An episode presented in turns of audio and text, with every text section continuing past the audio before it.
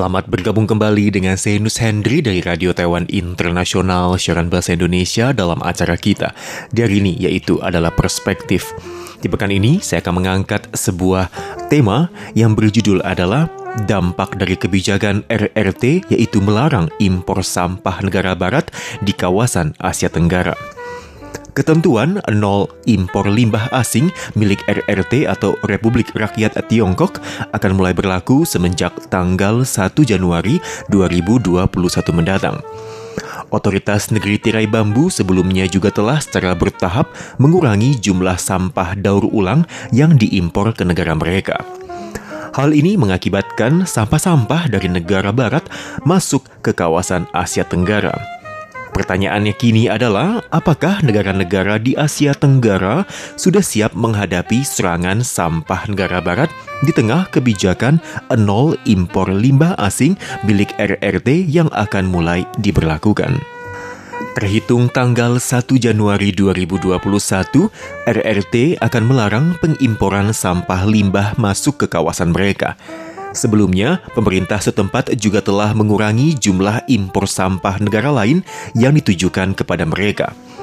Akibatnya, tumpukan sampah dari kawasan barat tersebut menjadi tidak terkendali dan mulai menyasar kawasan Vietnam dan Thailand atau negara kawasan sekitarnya.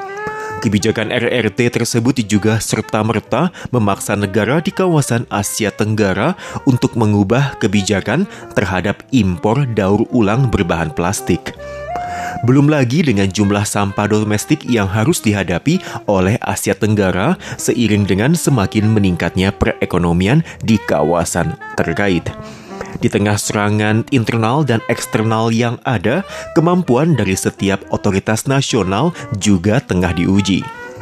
RRT mengalami perkembangan pesat di sektor industri manufaktur pada tahun 1990-an.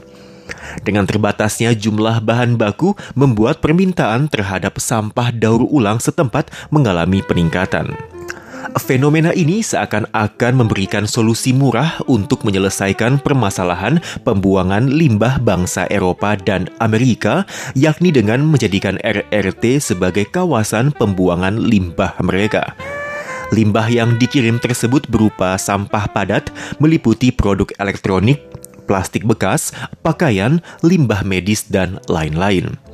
Di tengah semakin meningkatnya kesadaran perlindungan lingkungan, otoritas RRT pada tahun 2017 merilis kebijakan melarang masuknya limbah asing dan mendorong untuk melakukan reformasi terhadap manajemen impor sampah mereka.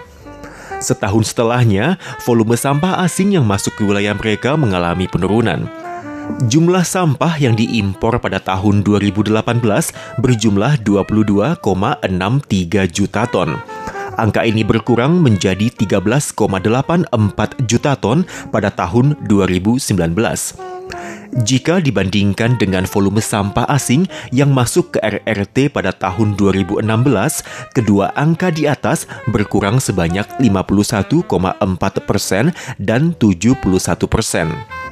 Berdasarkan data terakhir yaitu November 2020, volume sampah impor turun menjadi 7,18 juta ton atau menurun sebanyak 41 persen jika dibandingkan tahun 2019. Vietnam yang berbatasan dengan RRT menjadi negara yang paling mendapatkan pengaruh besar. Menghadapi kebijakan RRT yang akan mulai berlaku pada tahun mendatang tersebut, membuat Vietnam harus berhadapan dengan volume sampah daur ulang asal negeri barat.